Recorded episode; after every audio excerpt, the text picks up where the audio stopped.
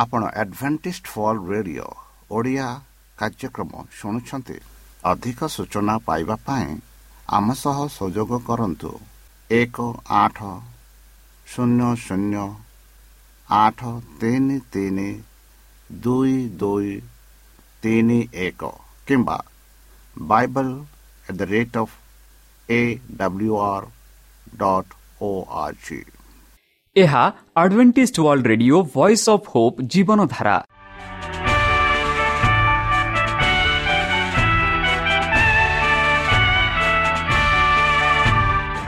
Odia radio କାର୍ଯ୍ୟକ୍ରମ ଯାହା ଆମର ଆନ୍ତର୍ଜାତୀୟ ଆଘାତ କେନ୍ଦ୍ରରୁ ପ୍ରସାରଣ କରାଯାଉଛି ପ୍ରତିଦିନ ରାତି ନଅଟା ତିରିଶ ମିନିଟ୍ରେ।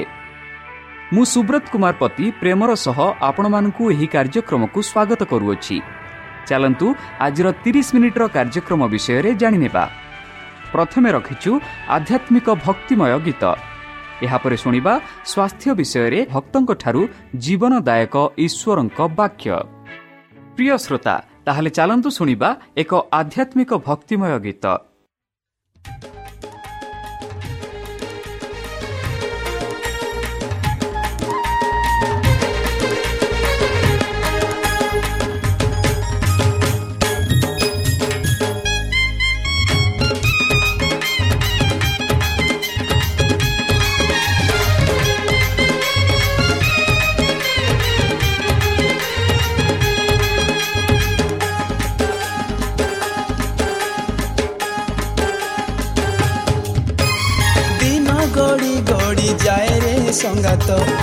ଦିନ ଗଡ଼ି ଗଡ଼ି ଯାଏ ଦିନ ଗଡ଼ି ଗଡ଼ି ଯାଏ ରେ ସଙ୍ଗାତ ଦିନ ଗଡ଼ି ଗଡ଼ି ଯାଏ ବୁଝୁନାଉ କିମ୍ପା ସମୟର ମୂଲ ବୁଝୁନାଉ କିମ୍ପା ସମୟର ମୂଲ ଚାଲି ଯାଏ ବେଳ କାଳ ସଙ୍ଗାତ ଦିନ ଯାଏ ଗଡ଼ି ଗଡ଼ି ଆରେ ଦିନ ଯାଏ ଗଡ଼ି ଗଡ଼ିରେ ସଙ୍ଗାତ ଦିନ ଯାଏ ଗଡ଼ି ଗଡ଼ି ଆରେ ଦିନ ଯାଏ ଗଡ଼ି ଗଡ଼ିରେ ସଙ୍ଗାତ ଦିନ ଯାଏ ଗଡ଼ି ଗଡ଼ି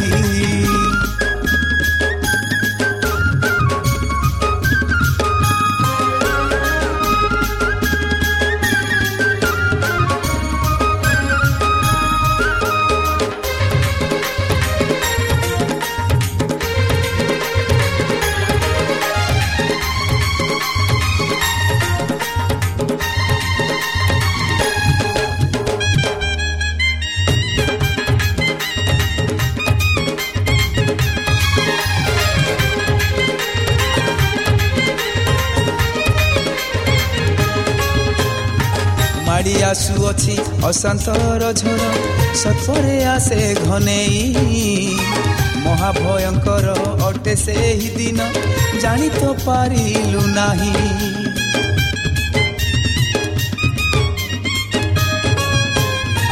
ମାଡ଼ି ଆସୁଅଛି ଅଶାନ୍ତର ଝଡ଼ ସତରେ ଆସେ ଘନେଇ ମହାଭୟଙ୍କର ଅଟେ ସେହି ଦିନ ଜାଣି ତ ପାରିଲୁ ନାହିଁ ଆଜି ବି କହୁଛୁ କାହିଁ ସେହି ଦିନ ଆଜି ବି କହୁଛୁ କାହିଁ ସେହି ଦିନ ନାହିଁ ଆଗ ମନ ବୋଲି ଓ ସଙ୍ଗାତ ତୋର ଦିନ ଯାଏ ଗଡ଼ି ଗଡ଼ି ଆରେ ଦିନ ଯାଏ ଗଡ଼ି ଗଡ଼ିରେ ସଙ୍ଗାତ ଦିନ ଯାଏ ଗଡ଼ି ଗଡ଼ି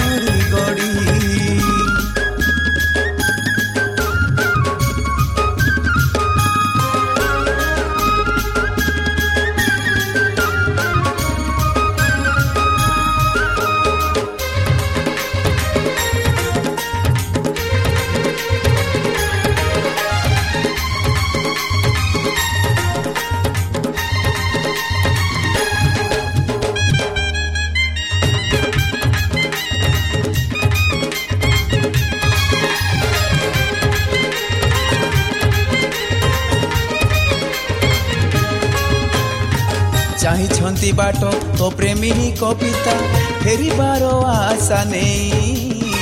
ତଳି ନେବେ ତୋତେ ପ୍ରେମିକ ବାହୁରେ ଆଦରି ନେବେ କଳେଇ।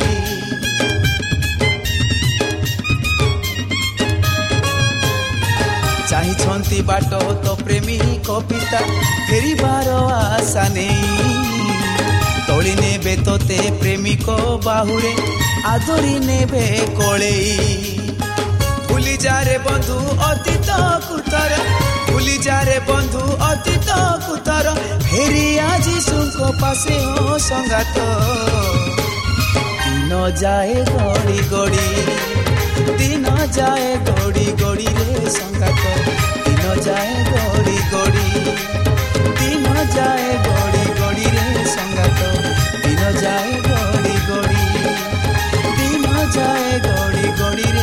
ସଙ୍ଗାତ ଦିନ ଯାଏ ଗଡ଼ି ଗଡ଼ି ଆମ ଠିକଣା Adventist media centre SDA mission compound Salisbury park Pune ଚାରି ଏକ ଏକ ଶୂନ ତିନି ସାତ ମହାରାଷ୍ଟ୍ର ବା ଖୋଲନ୍ତୁ ଆମର ୱେବସାଇଟ୍ ଯେକୌଣସି android phone smartphone desktop laptop କିମ୍ବା ଟ୍ୟାବ୍ଲେଟ୍ ଆମର website W W W dot A W R dot O R G slash O R I ବର୍ତ୍ତମାନ ଚାଲନ୍ତୁ ଶୁଣିବା ଈଶ୍ୱରଙ୍କ ଭକ୍ତଙ୍କଠାରୁ ଈଶ୍ୱରଙ୍କ ଜୀବନଦାୟକ ବାକ୍ୟ। ଶୈତାନ ନର୍କର ଅଧୀନରେ ଅଛି କି ଭାଗ ଦୁଇ। ନମସ୍କାର ପ୍ରିୟ ଶ୍ରୋତା। ସେହି ସର୍ବଶକ୍ତି ସର୍ବଜ୍ଞାନୀ ପ୍ରେମର ସାଗର ଦୟାମୟ ଅନ୍ତର୍ଜମୀ ଅନୁଗ୍ରହ ପରମ ପିତାଙ୍କ ମଧୁର ନାମରେ ମୁଁ ପାଷ୍ଟ ପୂର୍ଣ୍ଣଚନ୍ଦ୍ର ଆଉ ଥରେ ଆପଣମାନଙ୍କୁ ଏହି କାର୍ଯ୍ୟକ୍ରମରେ ସ୍ୱାଗତ କରୁଅଛି। ସେହି ସର୍ବଶକ୍ତି ପକ୍ଷର ଆପଣଙ୍କୁ ଆଶୀର୍ବାଦ କରନ୍ତୁ।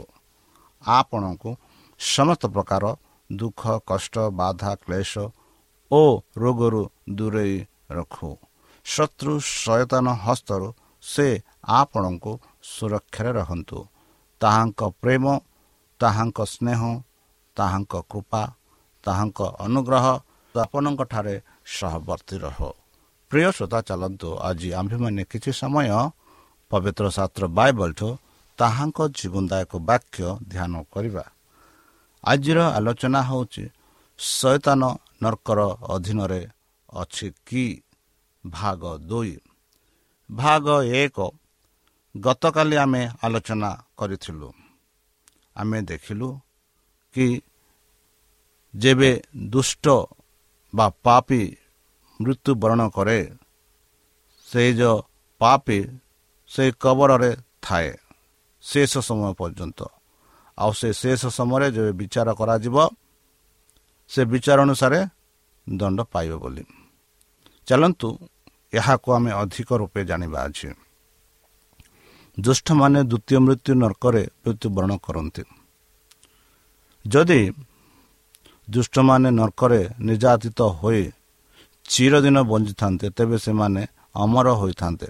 ଏହିପରି ଆମେ ପ୍ରଥମ ତିମତି ଛଅ ଷୋହଳରେ ଆମେ ଦେଖୁଛୁ। କିନ୍ତୁ ଏହା ଅସମ୍ଭବ। କାରଣ ବାଇବଲ କହେ ଯେ ଈଶ୍ୱର କେବଳ ଅମରତା।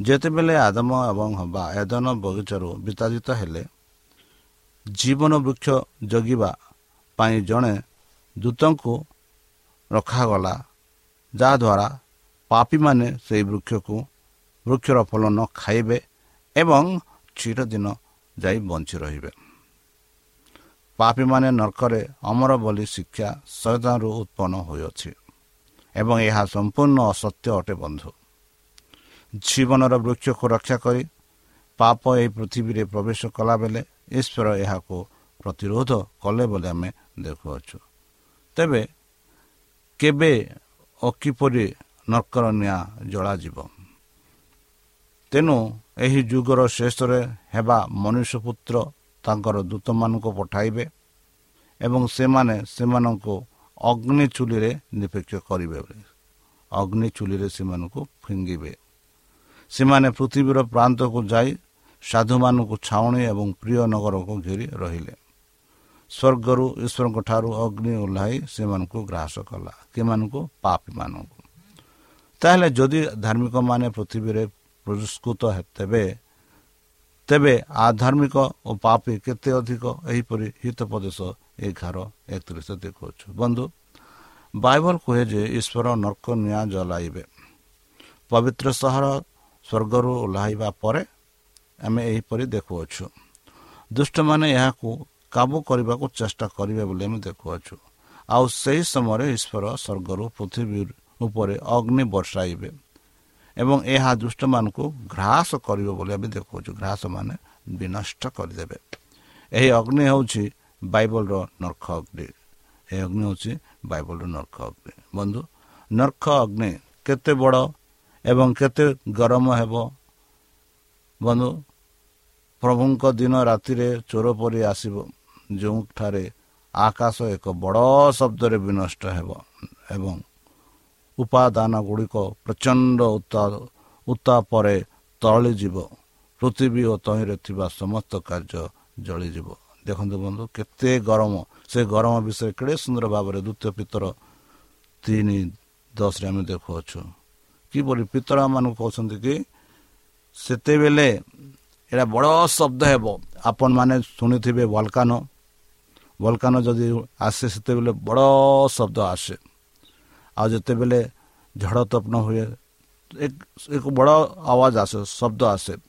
ଏଠି ଆମେ ଦେଖୁଅଛୁ ଯେବେ ପ୍ରଭୁ ଆସିବେ ସେତେବେଳେ ଏକ ବଡ଼ ଶବ୍ଦ ହେବ। ଆଉ ସେ ବଡ଼ ଶବ୍ଦରେ କ'ଣ ହେବ? ପ୍ରଚଣ୍ଡ ମାନେ ବହୁତ ଉତ୍ତାପରେ ଯେତେ ଜଗତରେ ଅଛି ସବୁ ତରଳି ଯିବ। ପୃଥିବୀ ଓ ତହିଁରେ ଥିବା ସମସ୍ତ କାର୍ଯ୍ୟ ଜଳିଯିବ ବୋଲି। ମାନେ ଏହା ଗରମ ବିଷୟ ଆମେ କିଛି ଗରମ ବର୍ଣ୍ଣନା କଲେ ଏହିପରି ଆମେ ବର୍ଣ୍ଣନା କରିପାରିବା। ତାଠୁ ଅଧିକ ଆମେ କରିପାରିବା ନାହିଁ। ଯେହେତୁ ମଣିଷର ଚିନ୍ତାଧାରାରୁ ବାହାର। ଏତେ ଗରମ ଥିବ ଯେ ଯେତେ ଜିନିଷ ଯାହାକି ଆମେ ଏତେ ଅଗ୍ନିରୁ ଯେତେ କଲେ ମଧ୍ୟ ତରଳି ନପାରେ ମାତ୍ର ଯେବେ ଯୀଶୁ ଖ୍ରୀଷ୍ଟ ଆସିବେ ସେ ଅଗ୍ନିର ତାପ ଏତେ ତାପ ଥିବ ଯେ ଯେତେ ପୃଥିବୀରେ ଅଛି ସବୁ ଜିନିଷ ତରଳି ଯିବ ଜଳିଯିବ ବୋଲି ପ୍ରକାଶିତ ଭିତର କହୁଛନ୍ତି ବନ୍ଧୁ। ବନ୍ଧୁ ନର୍କ ଅଗ୍ନି ଏହି ପୃଥିବୀ ପରି ବଡ଼ ହେବ କାରଣ ଏହା ଅଗ୍ନିରେ ପୃଥିବୀ ହେବ। ଏହି ଅଗ୍ନି ଏତେ ଗରମ ହେବ ଯେ ପୃଥିବୀକୁ ତରଳାଇ ଦେବ ଏବଂ ଏଥିରେ ଥିବା ସମସ୍ତ କାର୍ଯ୍ୟ ସବୁ ଜଳିଯିବ। ବାୟୁମଣ୍ଡଳ ଆକାଶ ବିସ୍ଫୋରଣ ହେବ ଏବଂ ଏକ ବଡ଼ ଶବ୍ଦ ସହିତ ଚାଲିଯିବ। ଏହିପରି ଯାହାପରି ଆମେ ଦିଆସିରେ ଦେଖାଉଛୁ ଦିଆସିରେ ଜଳିବ ପରିଶେଷ ସବୁ ଜଳିଯାଏ ସେପରି କିଛି ନଥିବ ସବୁ ଜଳିଯିବ। ତାହେଲେ ଦୁଷ୍ଟମାନେ ଅଗ୍ନିରେ କେତେ ଦିନ ଯନ୍ତ୍ରଣା ଭୋଗିବେ? କେତେ ଲୋକ ଏହିପରି ଶିକ୍ଷା ଦିଅନ୍ତି କି ଦିନ ରାତି ସେମାନେ ବର୍ଷ ବର୍ଷ ସେମାନେ ତାଳନା ପାଇବେ? ଏହିପରି କୁହନ୍ତି। ମାତ୍ର ବାଇବଲ ସେ ମୁଁ କହୁନାହିଁ। ଦୁଷ୍ଟମାନେ ଅଗ୍ନିରେ କେତେ ଦିନ ଯନ୍ତ୍ରଣା ଭୋଗିବେ? ଦେଖ ମୁଁ ଶୀଘ୍ର ଆସୁଛି। ଏବଂ ମୋର ପୁରସ୍କାର ମୋ ସହିତ ଅଛି। ପ୍ରତ୍ୟେକ ନିଜ କାର୍ଯ୍ୟ ଅନୁସାରେ ଦେବା ପାଇଁ ମୁଁ ଆସୁଛି। ପ୍ରଭୁ ଯୀଶୁ ଆସୁଛନ୍ତି। ପ୍ରତ୍ୟେକ ଲୋକ ନିଜ କାର୍ଯ୍ୟ ଅନୁସାରେ ଦେବେ ବୋଲି ଆସୁଛନ୍ତି। ଆଉ ସେ ପ୍ରତ୍ୟେକଙ୍କୁ ନିଜ କାର୍ଯ୍ୟ ଅନୁସାରେ ପୁରସ୍କୃତ ଦେବେ ବୋଲି ମାଥୁ ଷୋହଳ ସତାଇଶରେ ଆମେ ଦେଖୁଛୁ।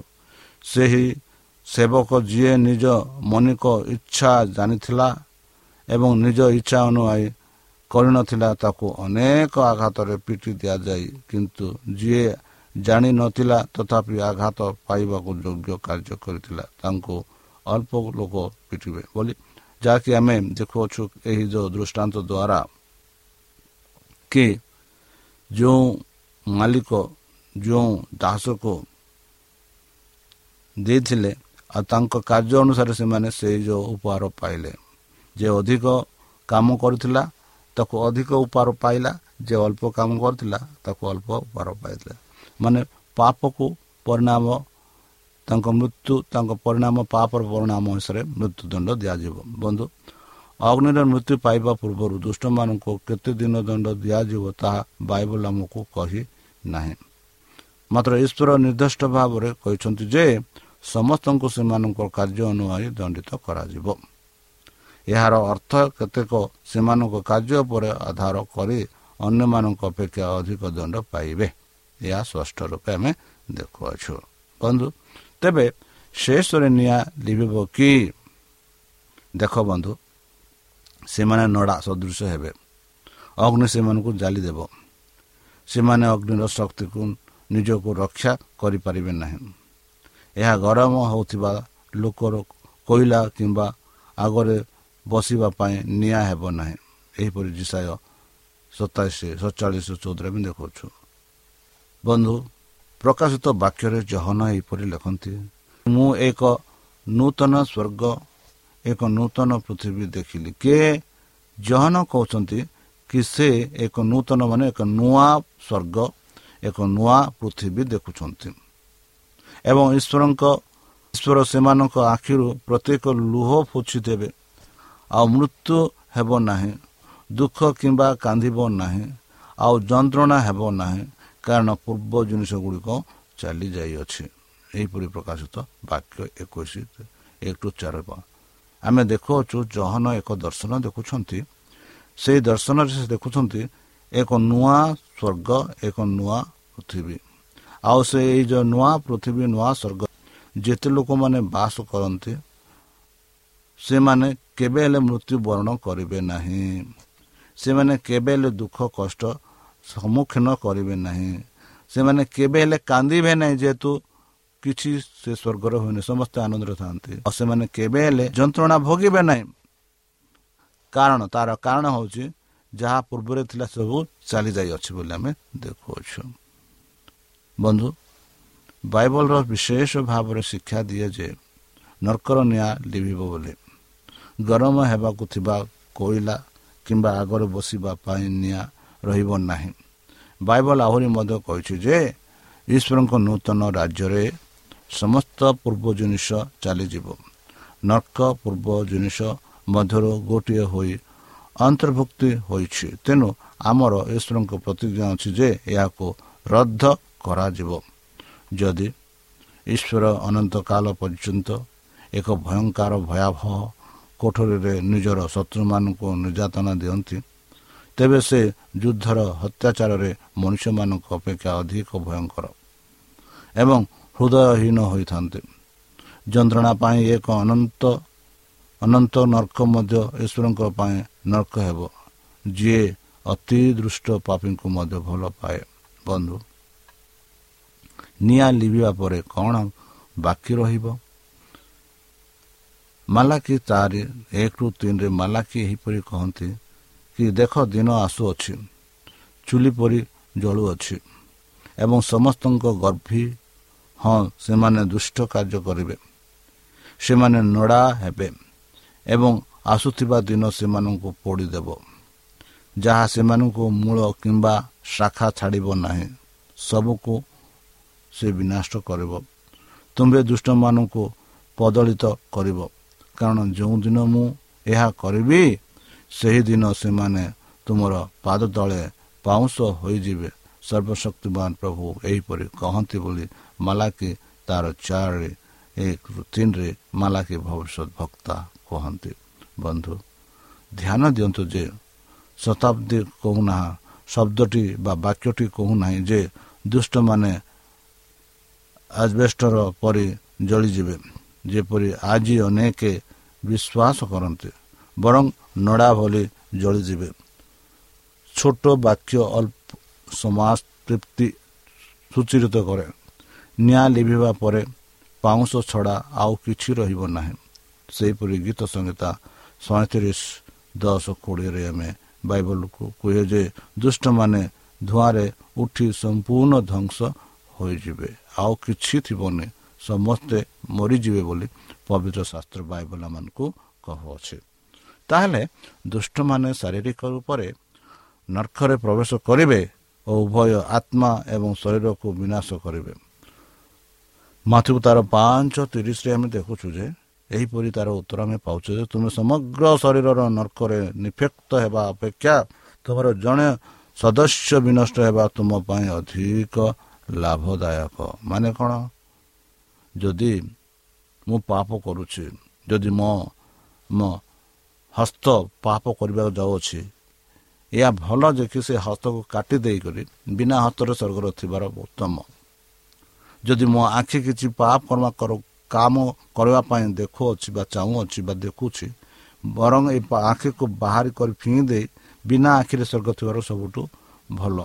ଏହିପରି ଏହି ବାକ୍ୟଟା ଆମକୁ କହୁଛି। ବରଂ ଯିଏ ନର୍କରେ ଉଭୟ ଆତ୍ମା ଏବଂ ଶରୀରକୁ ନଷ୍ଟ କରିବାକୁ ସକ୍ଷମ ତାକୁ ଭୟ କର। ମାନେ କହନ୍ତି ଯେ କି ଯେଉଁ ପ୍ରଭୁ ଯେଉଁ ପରମେଶ୍ୱର ତୁମର ଶରୀରକୁ ଆତ୍ମାକୁ ବିନଷ୍ଟ କରନ୍ତି ସେହି ପ୍ରଭୁକୁ ତୁମେ ଭୟ କର ବୋଲି ପବିତ୍ର ଶାସ୍ତ୍ର ବାଇବଲ ଆମମାନଙ୍କୁ କହୁଛି। ତାହେଲେ ପାପ କରୁଥିବା ଆତ୍ମା ମରିବ କି?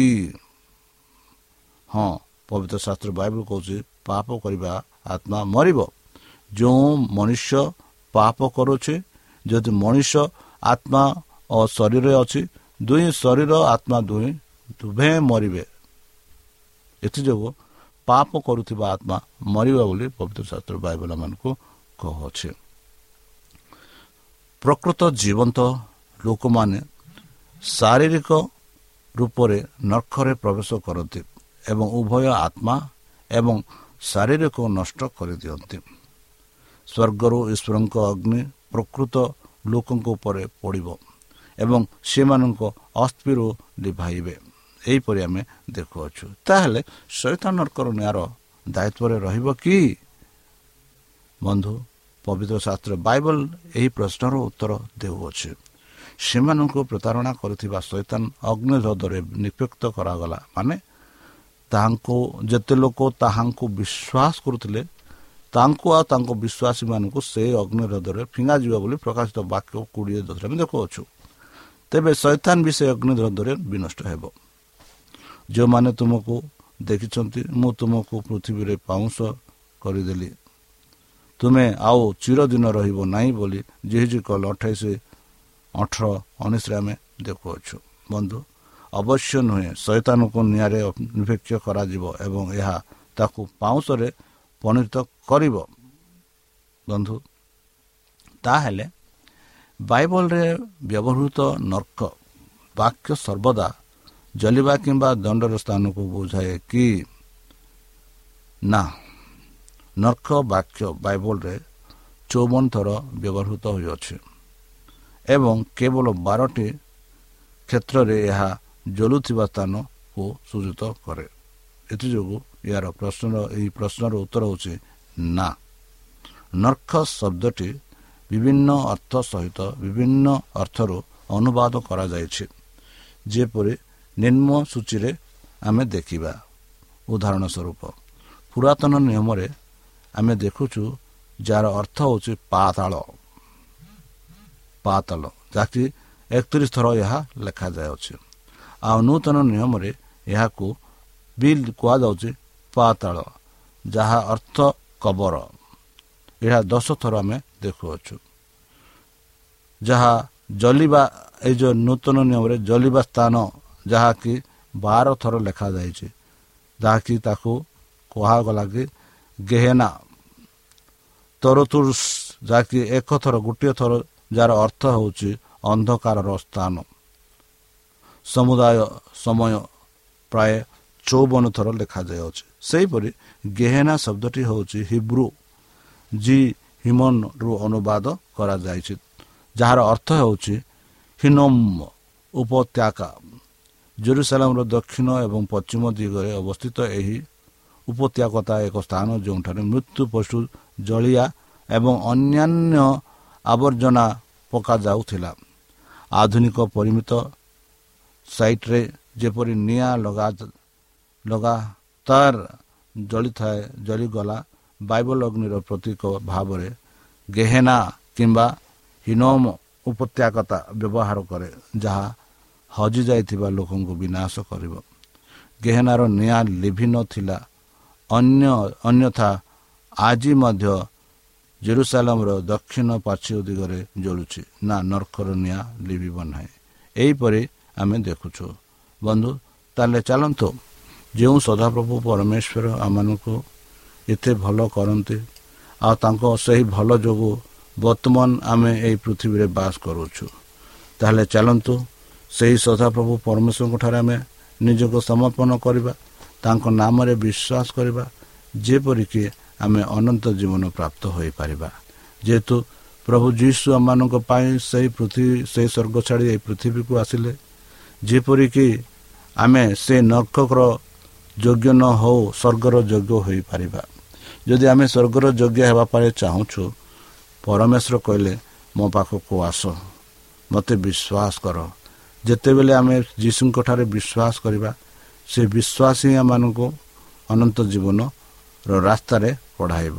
ତାହେଲେ ଚାଲନ୍ତୁ ସେହି ସଦାପ୍ରଭୁ ପରମେଶ୍ୱରଙ୍କ ନାମରେ ଆମେ ବିଶ୍ୱାସ କରି ତାଙ୍କ ବାକ୍ୟରେ ବିଶ୍ୱାସ କରି ତାଙ୍କ ବାଇବଲରେ ବିଶ୍ୱାସ କରି ନିଜକୁ ସମର୍ପଣ କରି ତାହାଙ୍କ ହସ୍ତରେ ନିଜ ପରିବାରକୁ ସମର୍ପଣ କରି ତାଙ୍କ ନାମରେ ବିନୟ ରୂପେ ପ୍ରାର୍ଥନା କରିବା। ହେ ଆମ୍ଭମାନଙ୍କ ସର୍ବଶକ୍ତି ସର୍ବଜ୍ଞାନୀ ପ୍ରେମର ସାଗର ଦୟାମୟ ଅନ୍ତର୍ଜମୀ ଅନୁଗ୍ରହ ପରମ ପିତା ଧନ୍ୟବାଦ ଅର୍ପଣ କରୁଅଛୁ। ବର୍ତ୍ତମାନ ଯେଉଁ ବାକ୍ୟ ତୁମ ଭକ୍ତମାନଙ୍କୁ ଶୁଣାଇଲେ ସେହି ବାକ୍ୟ ଅନୁସାରେ ଏମାନଙ୍କୁ ଚାଲିବା ପାଇଁ ବୁଦ୍ଧିରେ ଜ୍ଞାନରେ ଶକ୍ତିରେ ପରିପୂର୍ଣ୍ଣ କର। ଆମ ପାପ ସବୁ ତୁମ ସେହି ବହୁମୂଲ୍ୟ ରକ୍ତରେ ପରିଷ୍କାର ରୂପେ ଧୋଇ ଦିଅ।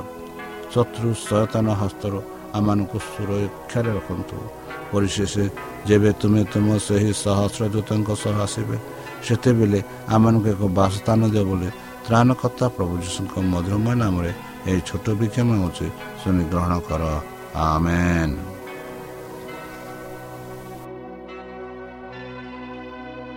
প্রিয় শ্রোতা আমি আশা করুଛୁ ଯେ ଆମର କାର୍ଯ୍ୟକ୍ରମ ଆପଣମାନଙ୍କୁ ପସନ୍ଦ ଲାଗୁଥିବ ଆପଣଙ୍କର ମତାମତ ଜଣାଇବା ପାଇଁ ଆମର ଏହି ଠିକଣାରେ ଯୋଗାଯୋଗ କରନ୍ତୁ ଆମ ଠିକଣା Adventist media centre SDA mission compound Salisbury park Pune ଚାରି ଏକ ଏକ ଶୂନ ତିନି ସାତ ମହାରାଷ୍ଟ୍ର ବା ଖୋଲନ୍ତୁ ଆମର ୱେବସାଇଟ୍ ଯେକୌଣସି android phone smartphone desktop laptop କିମ୍ବା ଟ୍ୟାବ୍ଲେଟ୍ ଆମର website W W W dot A W R dot O R G slash O R I ଏବଂ W W W dot Adventist media centre India dot O R G Adventist media centre ଇଣ୍ଡିଆର spelling ହେଉଛି A D V E N T I S T M E D I A C E N T R E I N D I A ଅଥବା download କରନ୍ତୁ ଆମର mobile app ଆପଣଙ୍କର mobile play ଷ୍ଟୋରକୁ ଯାଆନ୍ତୁ ଆଉ type କରନ୍ତୁ the voice of Hope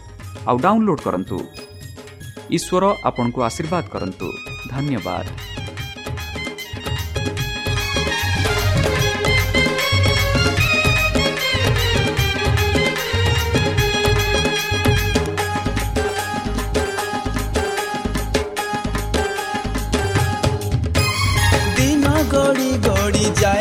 ଯାଏ ରେ ସଙ୍ଗାତ ଦିନ ଗଡ଼ି ଗଡ଼ି ଯାଏ ଦିନ ଗଡ଼ି ଗଡ଼ି ଯାଏ ରେ ସଙ୍ଗାତ ଦିନ ଗଡ଼ି ଗଡ଼ି ଯାଏ ବୁଝୁନାଉ କିମ୍ବା ସମୟର ମୂଲ ବୁଝୁନାଉ କିମ୍ବା ସମୟର ମୂଲ ଚାଲିଯାଏ ବେଳ କାଳ ସଙ୍ଗାତ ଦିନ ଯାଏ ଗଡ଼ି ଗଡ଼ି ଆରେ ଦିନ ଯାଏ ଗଡ଼ି ଗଡ଼ିରେ ସଙ୍ଗାତ ଦିନ ଯାଏ ଗଡ଼ି ଗଡ଼ି ଆରେ ଦିନ ଯାଏ ଗଡ଼ି ଗଡ଼ିରେ ସଙ୍ଗାତ ଦିନ ଯାଏ ଗଡ଼ି ଗଡ଼ି ଆପଣ